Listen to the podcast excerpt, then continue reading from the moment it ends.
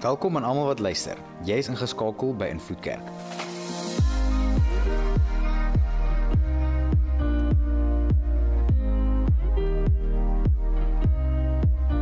Vir die volgende paar minute gaan jy luister na een van ons boodskappe.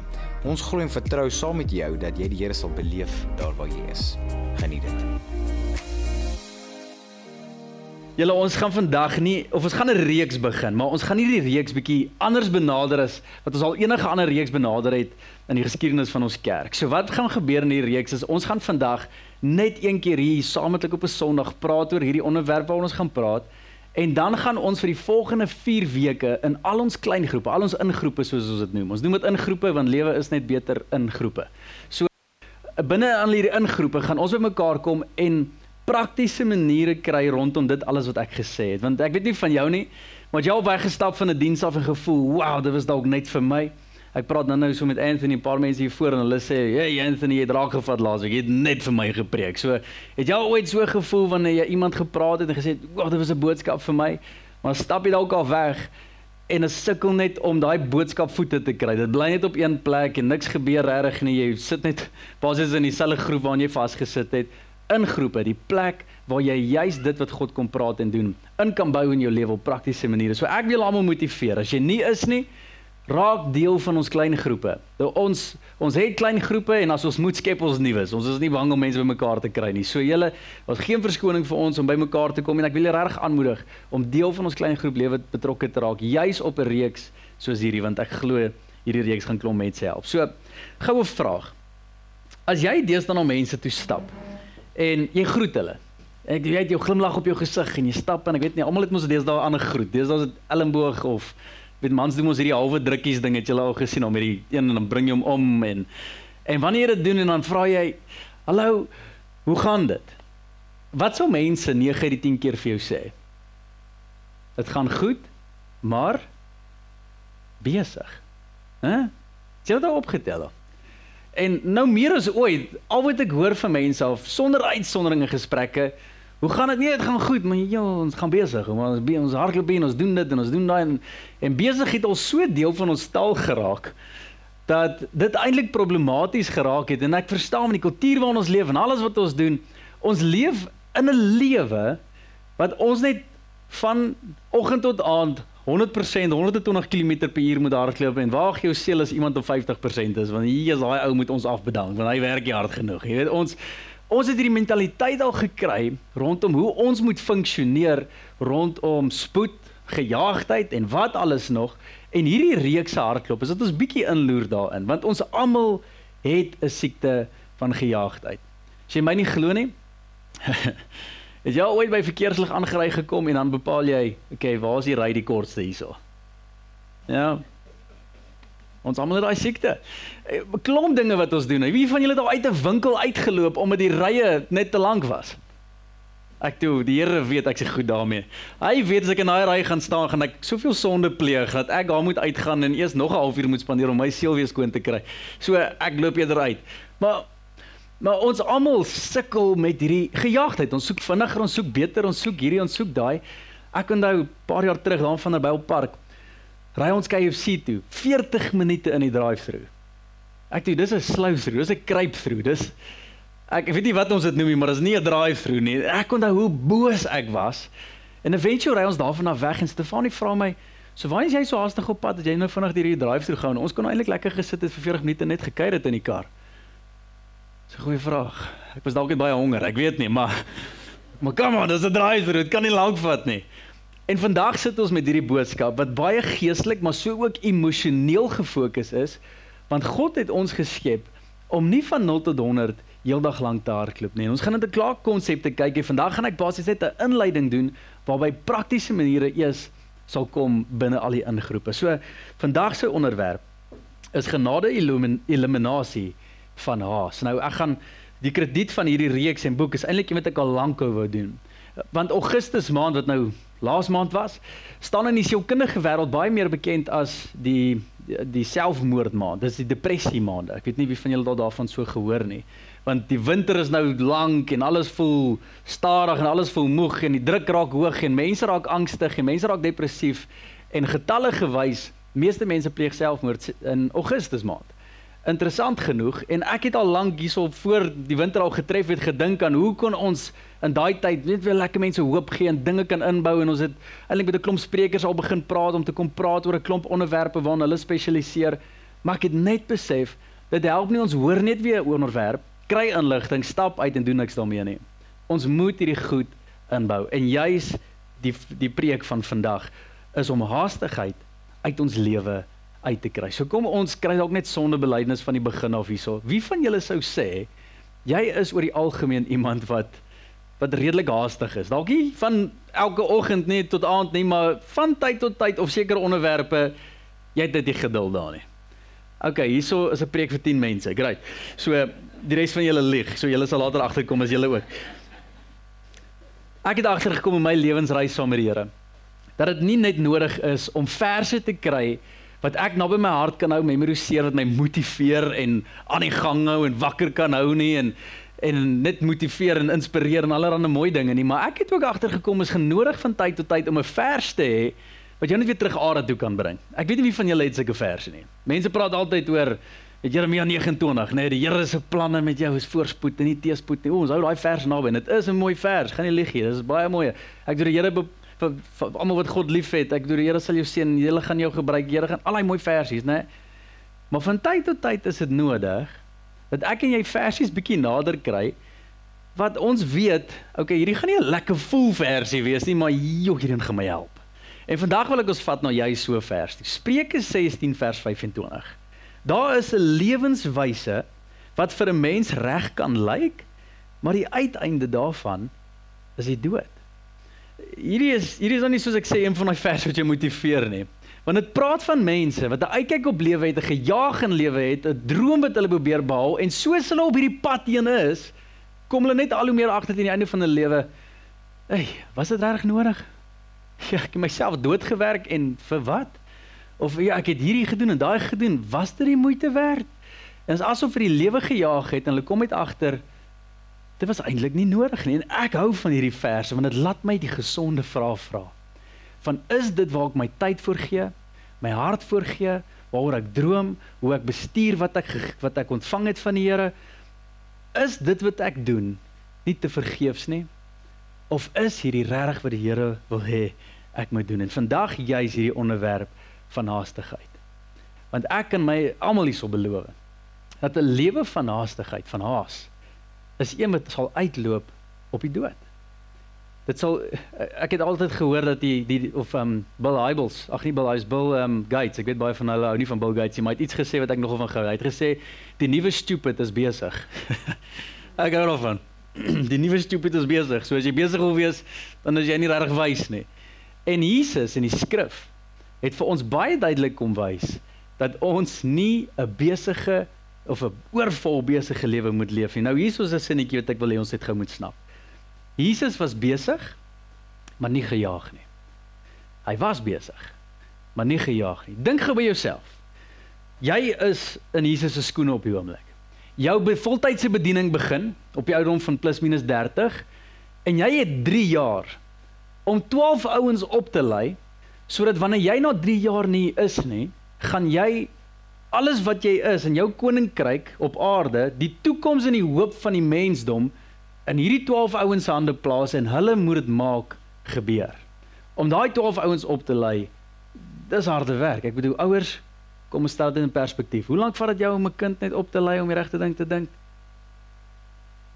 Nog steeds nie reg gekry nie. Okay. Great. Jesus het 3 jaar om hierdie 12 manne te leer. Net dit nie, die politiek en die verhoudingsbestuur tussen en onder hierdie ouens, hy het sy eie gesin en familie om na te kyk. Nie net dit nie. Ek dink hy moet sorg vir hierdie ouens. En soos julle weet in die skrif, daar's ter duisende mense wat na hom toe kom en sê, Here, ons het genesing nodig. Hulle hou hom besig. Hy moet preek, hy moet hoop bring, hy moet alles doen. In 3 jaar was Jesus baie besig. Maar hy was nooit gejaag nie. En ek dink hierdie is iets wat ek en jy moet inbou in ons lewens in. Dat ons kan besig wees, maar dit beteken nie ons hoef te jaag nie. Daar's 'n verskil tussen besig wees en te besig wees. En ons moet hierdie onderskeiding begin kry. Dink dit by jouself in. Kan jy Jesus hoor stellings gebruik soos, "Ag, ek wens dit daar was meer ure in 'n dag." wat ek kan nie. Julle kan nou, maar ek sukkel om daai prentjie in te sien hoe hy na 'n hele dag hier by die huis sal kom en sê, "Ag, oh, oh, ek wil net gou 'n episode TV kyk, het ek het my kop van alles kan afkry." Ek, ek Jy kan dit net nie insien nie. Jy kan net nie sien hoe Jesus na sy disippels kyk en sê, "Nee, my hemel tog ouens, hoeveel keer moet ek nog hierdie ding vir julle sê? Jy weet, ek moet nou hoeveel keer moet ek nou nog vir julle verduidelik?" En dit geïrriteerd raak en kwaad raak en frustreerd raak. Jesus was besig, maar hy was nie gejaag nie. In Markus 2 vers 14 is my so interessant. Klein opmerkings waar Jesus byvoorbeeld in hierdie vers terwyl hy aanstap aanstap. Nou wonder julle hoekom is dit sonde om te hardloop? Julle drawers, al hierdie mense wat so fiks is. Jesus het nooit gehardloop nie. Waar gee jou seel as jy dit gaan aanpak? Stap man. Hy sien toe verleef hom. Die seun van Alfeus by die tolhekkie sit en sê vir hom: "Kom, word my disipel." Hy het opgestaan en 'n disipel van Jesus geword. Ek wonder wat sou gebeur het as Jesus in daai oomblik nie gestap het nie. Nie gefokus was nie, maar te gejaag gevoel het want daar's 10000 dinge wat hy moet doen. Ek wonder of hy vir Matteus raak sou gesien. En ek wil leef en ek wonder of hy hom sou geroep het tot die span toe. Hy sou dit gemis het. En hier is die gedagte dat as ek en jy 'n Jesus wil volg op planeet Aarde wat stap deur lewe, dan moet ek en jy ook leer hoe om te stap in hierdie lewe. Dit help ons ons sê ons volg 'n God wat rustig is, wat nie gejaag is nie, maar ons leefstyl is die teenoorgestelde. Ons gaan hom nie volg in daai oomblik nie. Die realiteit is as jy 'n besige lewe lei, 'n haastige lewe lei, leef ons lewe wat ons eintlik leeg maak. Ons jaag na dinge wat ons na 'n leefstyl wat ons eintlik nie wil hê nie. Ons vorm onsself in iets waaroor ons frustreerd raak. En hierdie is waarna ons vandag vassit. Ek dink ons kla oor die wêreld hou ons te besig, die werk hou ons te besig, die kinders is te besig, alles is te besig, besig, besig, maar wie het dit besig kom maak? Die mens homself. En as ek en jy nie versigtig is nie, is dit nie net iets wat gebeur in die westerse kultuur nie, maar dis iets wat gebeur in jou eie huisgesin. Dis iets wat gebeur om jou etenstafel. Dis iets wat gebeur in jou vriendskappe. En kort voor lank is daar nie meer diepte nie. Is daar nie meer verhoudings wat saak maak nie. Is daar nie meer gewoontes wat reg saak maak vir ewigheids dinge nie. Maak en jy jaag net na 'n klomp dinge. Nou soos ek praat oor hierdie, het ek besef dis nogal moeilik om te onderskei of jy besig is of nie juis oor dit wat ek nou gesê het. Want die wêreld waarin ons leef, alles is besig. Dat dit so normaal geword het as jy besig is, is dit nie 'n slegte ding nie. Nou hoe onderskei ons in 'n wêreld waarin ons leef of ons regtig gejaagde lewe leef of nie? En ek lees toe 'n interessante berig raak en hierdie vrou is regtig amazing vrou nou al materiaal stel ek regtig voor, maar simptome van 'n haastige lewe. En sy het so vinnige 10 genoem wat ek dink sy nogal die hamer op of die, die ja die hamer op die spyker gekap het. So so kom ons kyk gou net gou vinnig vlugtelik na 10 van hierdie simptome en dan gee jouself 'n punt uit 10 uit soos ek draf deur hierdie. Hier gaan dit nou lekker raak. Vir almal wat nou nou gesê leef jy haastige lewe en hier kom hy. Nommer 1. Jy word vinnig geïrriteerd. Het sy gesê is 'n baie duidelike simptoom. Kort van draad is is iets wat sou gebeur. Jy onbelangrike dinge byvoorbeeld beïnvloed jou te veel. Die klein dingetjies in lewe sal jou baie meer vang as wat dit behoort te. Irriteerd. Kyk, ek het een uit een. Nommer 2. Jy's oorsensitief. nie my vrou nie. Oorsensitiwiteit. Wanneer jy op 'n plek kom waar mense iets sê of nie sê nie, kan altyd kante toe gaan. Mense iets doen of nie doen nie, dat jy dit so persoonlik neem. jy hoe uitvat en dan bou jy hierdie ding hier binne in jou op en jy raak kwaad, wat alles nog oorsensitief. Is dit dalk daar? Vat vinnig aanstoot. En dan derde ene, 'n onrustigheid. Jy kan net nie jou siel kry om te rus nie. Maak nie saak wat jy doen nie, maak nie saak waarna jy kyk nie, maak nie saak hoe jy werk nie, hoe jy redeneer nie, waarmee jy praat nie, wat jy lees nie, jou kop sukkel om af te skakel. Selfs as jy vakansie gaan hou en jy gaan sit en jy kom op 'n plek en jy sê okay, ons is nou eintlik by ons vakansiebestemming, nou kan ons net sit en vakansie hou. Dan sit jy 'n minuut en jy sê soos okay nee, hierdie werk is vir my nie, ons moet iets doen. Ons gaan nie Hierdie is nou glad nie lekker vir my meer nie. Uh, uh, was jy op 'n plek waar jy so onrustig is dat jy jy voel net jou siel is net heeltyd so. kan net nie kalm raak nie. Haastige lewe. Dan hierdie ene. O, oh, ek val vir hierdie ene erg.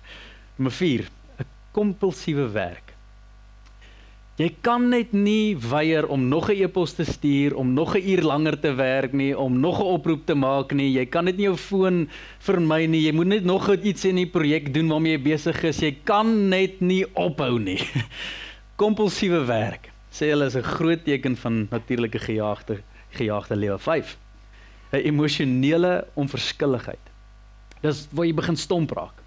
Jy sukkel om te voel. Jy jy jy jy die ouens praat van die laagste vlak van voel wat 'n mens kry is wanneer jy begin kwaad raak en geïrriteerd raak, maar die mooi emosies raak dood. Jy sukkel om simpatie of empatie met mense te hê. Jy sukkel om te luister wanneer mense praat. Jy jy sukkel om mense se sienings in te sien.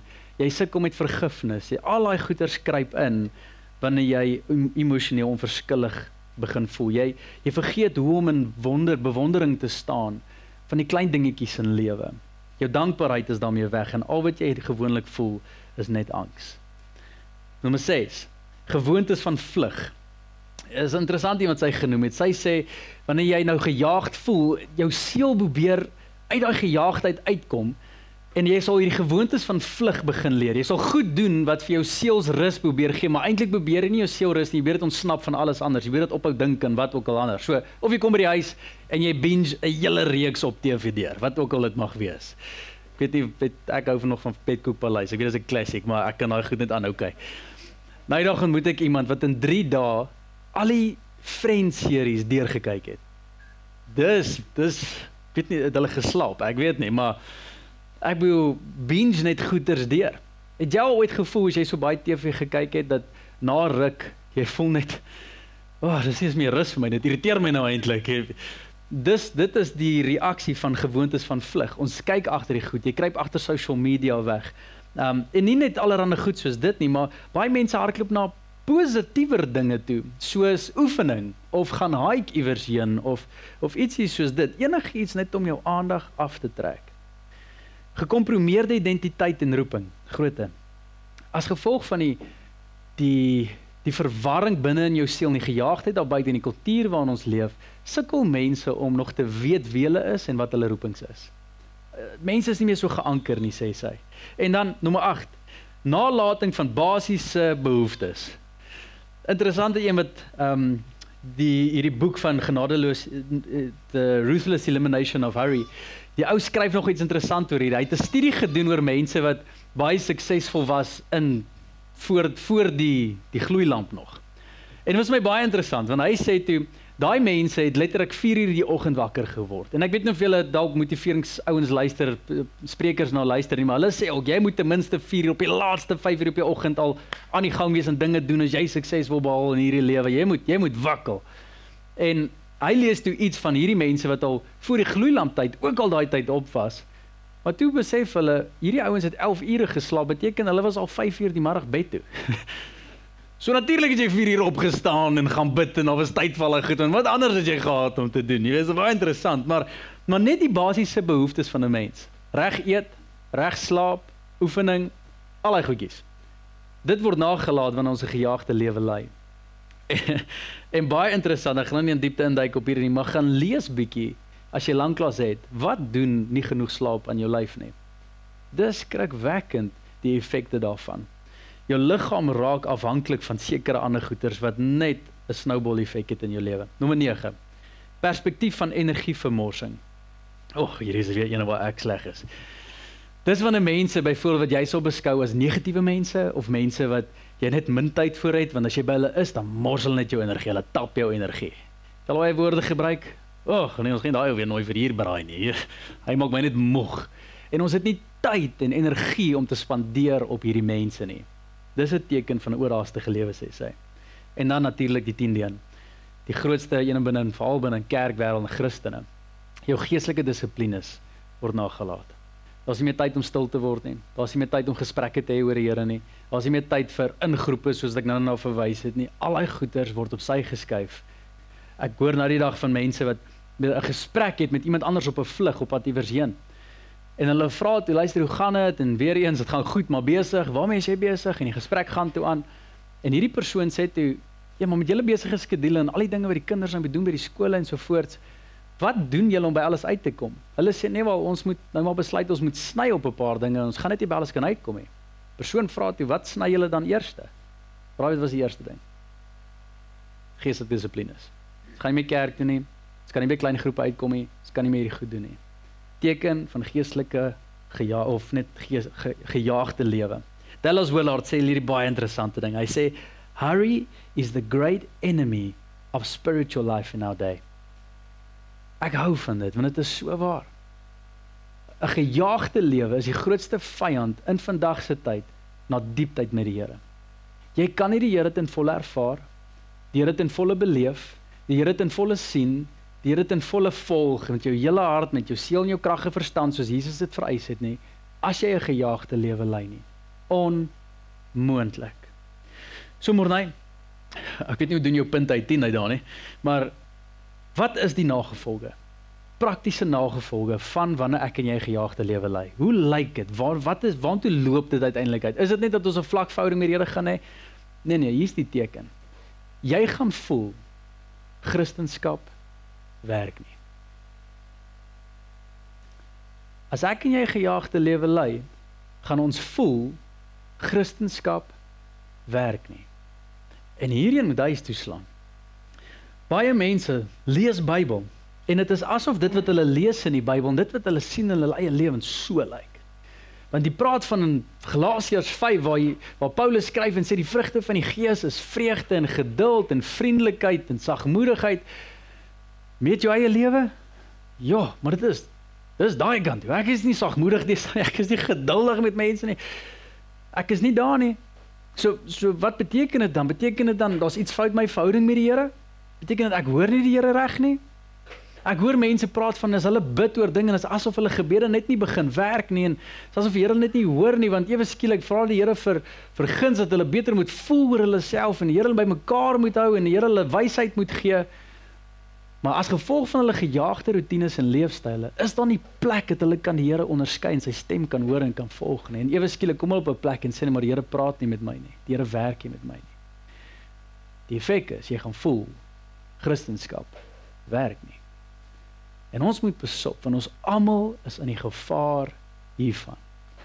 Dat ek en jy kan kom en sê maar die gees wat die Here uit die dood uit opgewek het, daai selfde gees is in ons en wie 'n mooi versie om vas te hou, maar Maar ek en jy sukkel met om opgewek te raak uit 'n situasie waar iemand iets vir ons gesê het waar ons aanstoot uitgeneem het.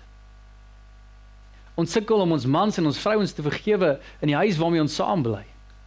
Ons probeer ons kinders grootmaak met goeie waardes en morele waardes en 'n verhouding met Christus terwyl ons so gejaag is en uiteindelik kom ons kinders net op 'n plek waar hulle sê maar hierdie ding is nie vir my nie en dan wonder ons maar wat het gebeur?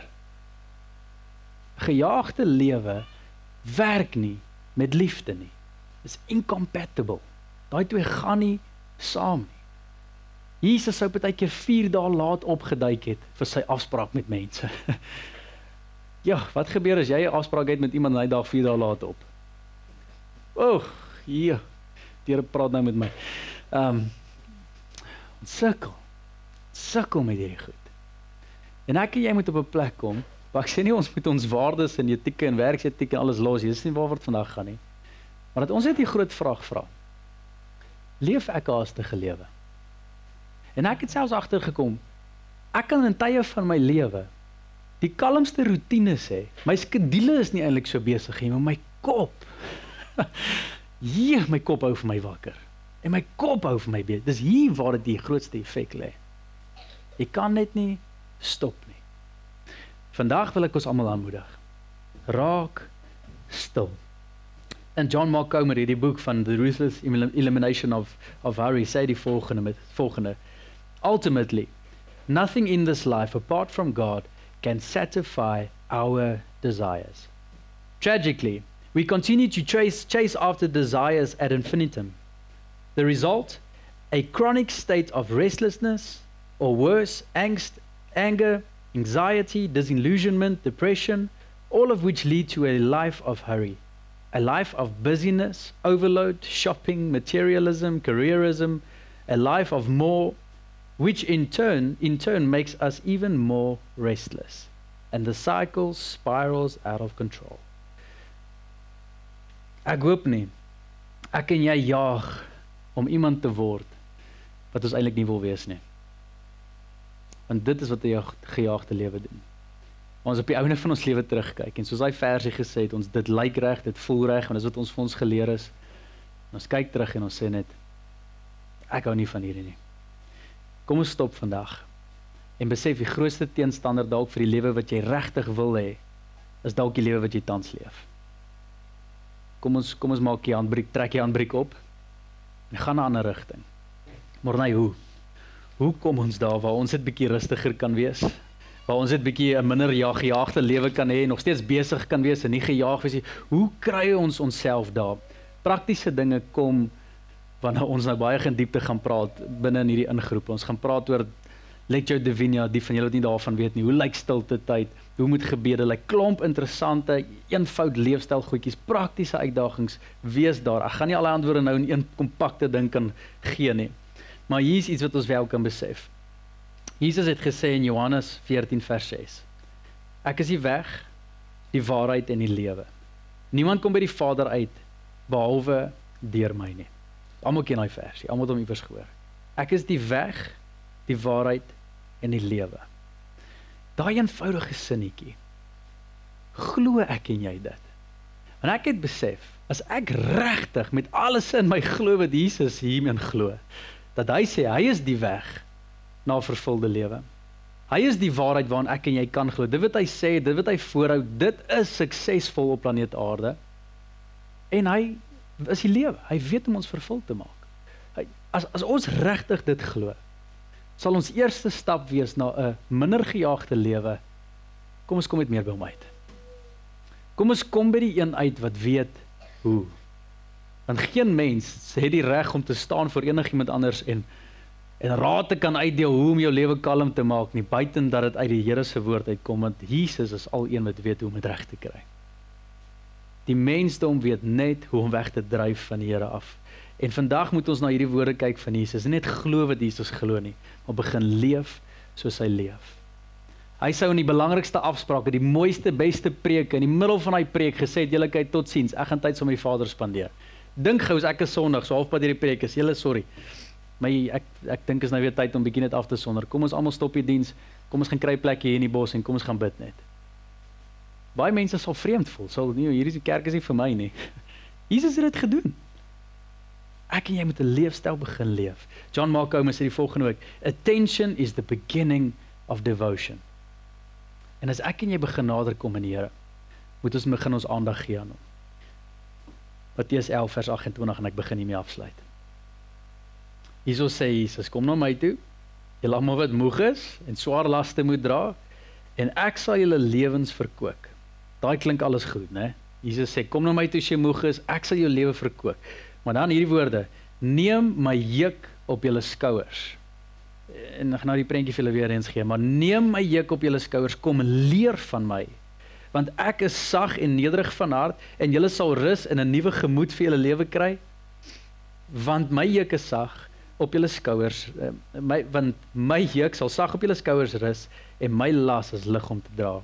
So hier kom Jesus en hy sê die waarheid is die volgende: jy gaan 'n las dra. Jy gaan altyd iets op jou skouers hê wat jy moet voel net dalk bietjie te veel is, waarop jy moet fokus wat nie net natuurlik kom en free spirit is en oh die lied is so lewe is 'n lied en alles is lyk like, jy gaan iets dra deur 'n lewe sê hy. Maar hy sê dra wat ek vir jou gee. Nie wat jy vir jouself gee of vir jouself beplan of vir jouself jou nie. Ek het iets wat jy moet dra. En wat is daar? Jesus sê kom na my toe, almal wat moeg en swaar laste moet dra en ek sal vir jou lewens verkoop. Ek het daarin al so baie gepreek in my lewe, né? Ek doen dis dis 'n prediker se kos daai. Enige as jy iemand wil motiveer, gebruik daai versie. Ek doen as jy moeg en kom na die Here toe. Want die Here gaan jou help. Hy gaan 'n nuwe moed gee vir jou in jou lewe. Jy gaan opgewonde weer raak, 'n nuwe hart, 'n nuwe dit, 'n nuwe daai. Alles great. Maar ek het agtergekom ons preek hier deur 'n tweede deel nie soveel nie. Jesus sê toe daarna, "Dit help nie net jy kom na hom toe en voel beter oor jouself en stap uit te diens en doen nie die volgende nie. Jy moet sy juk op jou skouers neem." Dis die eerste opdrag wat hy vir jou gee nadat jy na hom toe gekom het. Neem my juk op jou skouers. Wat beteken dit? Hierdie prentjie van 'n juk. Daar's 'n prentjie vir julle op. Ek dink die van julle, baie van julle is bekend met die prentjie, maar die van julle nie is nie. Hierdie juk wat basies gebeur is twee beeste wat hulle op die juk sal sit, maar die juk oor sal sit. En dan forceer dit die beeste om basies in sinergie te begin werk. So jou eerstens wat hierdie ding hoofsaaklik bepaal, is dat wanneer die beeste ehm um, gehaak word die om hulle nekke en die kettinge vas aan die sleepwa of wat ook al hulle moet sleep, dan sal hulle begin in dieselfde spoed werk. Dis die hoofding wat hierdie juk veroorsaak. Hy hy maak hulle op dieselfde pas werk. Een bees kan nie vinniger as die ander een werk nie. Hulle hulle hulle word forceer om gelyk, selfde manier, selfde spoed, sal alles daar klop. En Jesus kom nommer 1 en hy sê jy moet jou eerstens leer nadat jy by my uitgekom het om teen my spoed deur lewe te gaan. Neem my juk op jou skouers. Kalmer. Rustiger. Ek weet wat jy voel is baie en ek weet waar jy gaan is uitdagend en ek weet jou kop is besig, maar vertrou my. Dis te vinnig. Ek kon dat die beste raad wat ek gekry het as 'n ouer is net voor Levi gebore was, stuur 'n ou vir my prentjie. En alwaar hierdie prentjie gegaan het was net Daddy a little bit slower please. So. En dan vergeet al die voorbeelde. Daddy, when you working, just work a little bit slower so I can follow. En dit hou net so aan en aan en aan.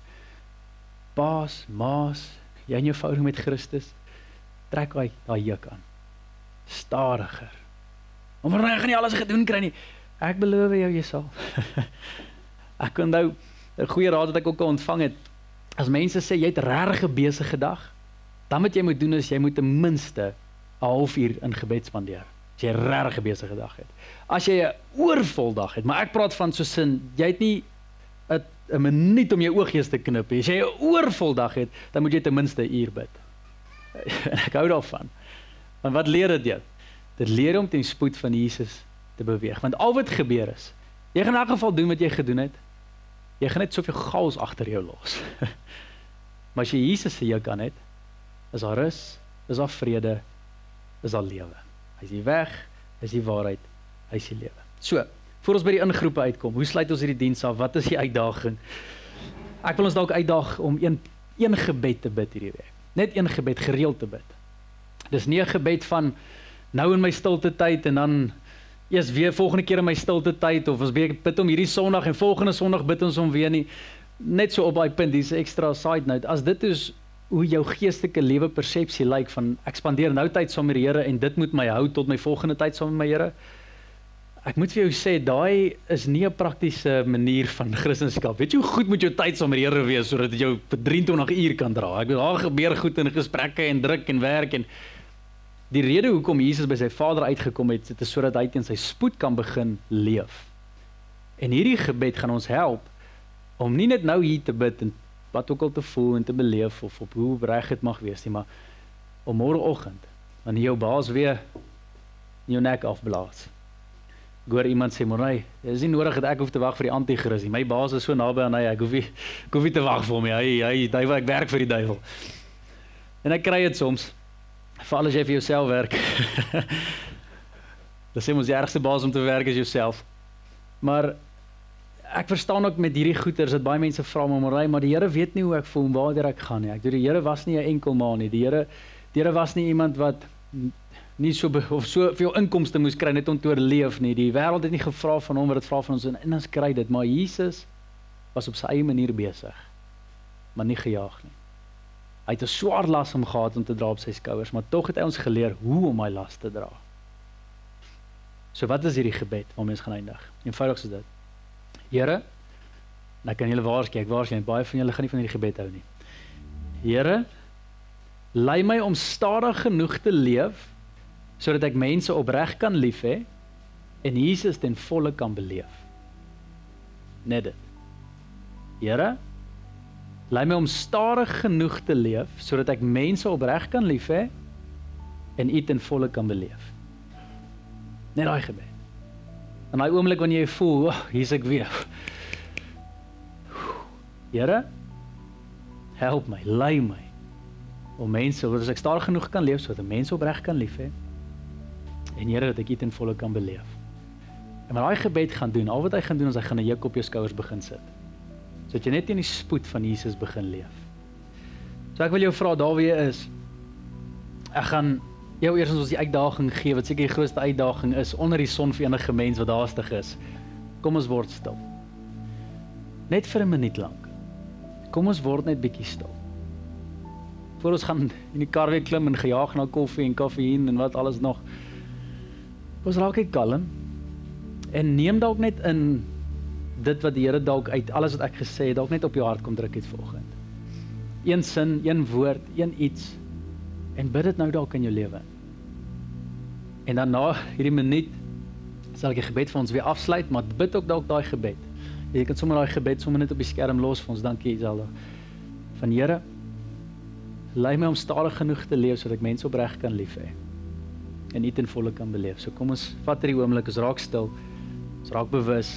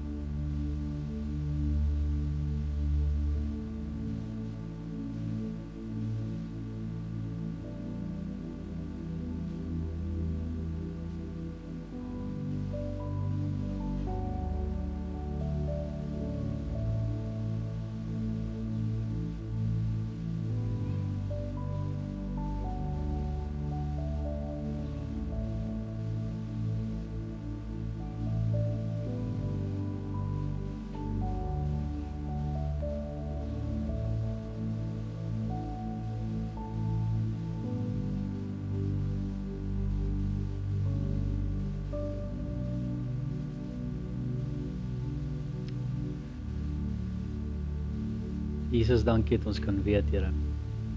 U is die weg, U is die waarheid, U is die lewe. Niemand kan by die Vader uitkom behalwe deur U nie.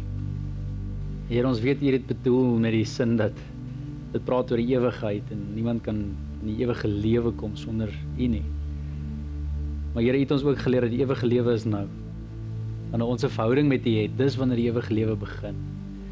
En ek bid vir ons, Here, dat ons sal kan onderskei wanneer ons deur hierdie lewe gaan en ons dra nie die juk van ons redder nie. Ons dra die juk van 'n kultuur, ons dra dalk die juk van iets wat ons ouers dalk vir ons kom leer het, ons dra die juk dalk van wat ons gesien het, ander mense oorskryf en hulle opinies oor lewe, maar U het gesê kom na my toe as jy moeg is. Kom na my toe as jy oorlaai is. Ek sal vir jou rus gee.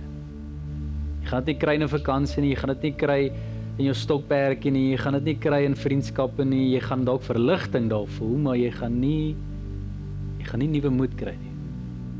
Nie nuwe gees kry nie. Ek is die weg, die waarheid en die lewe. So baie dankie, Here.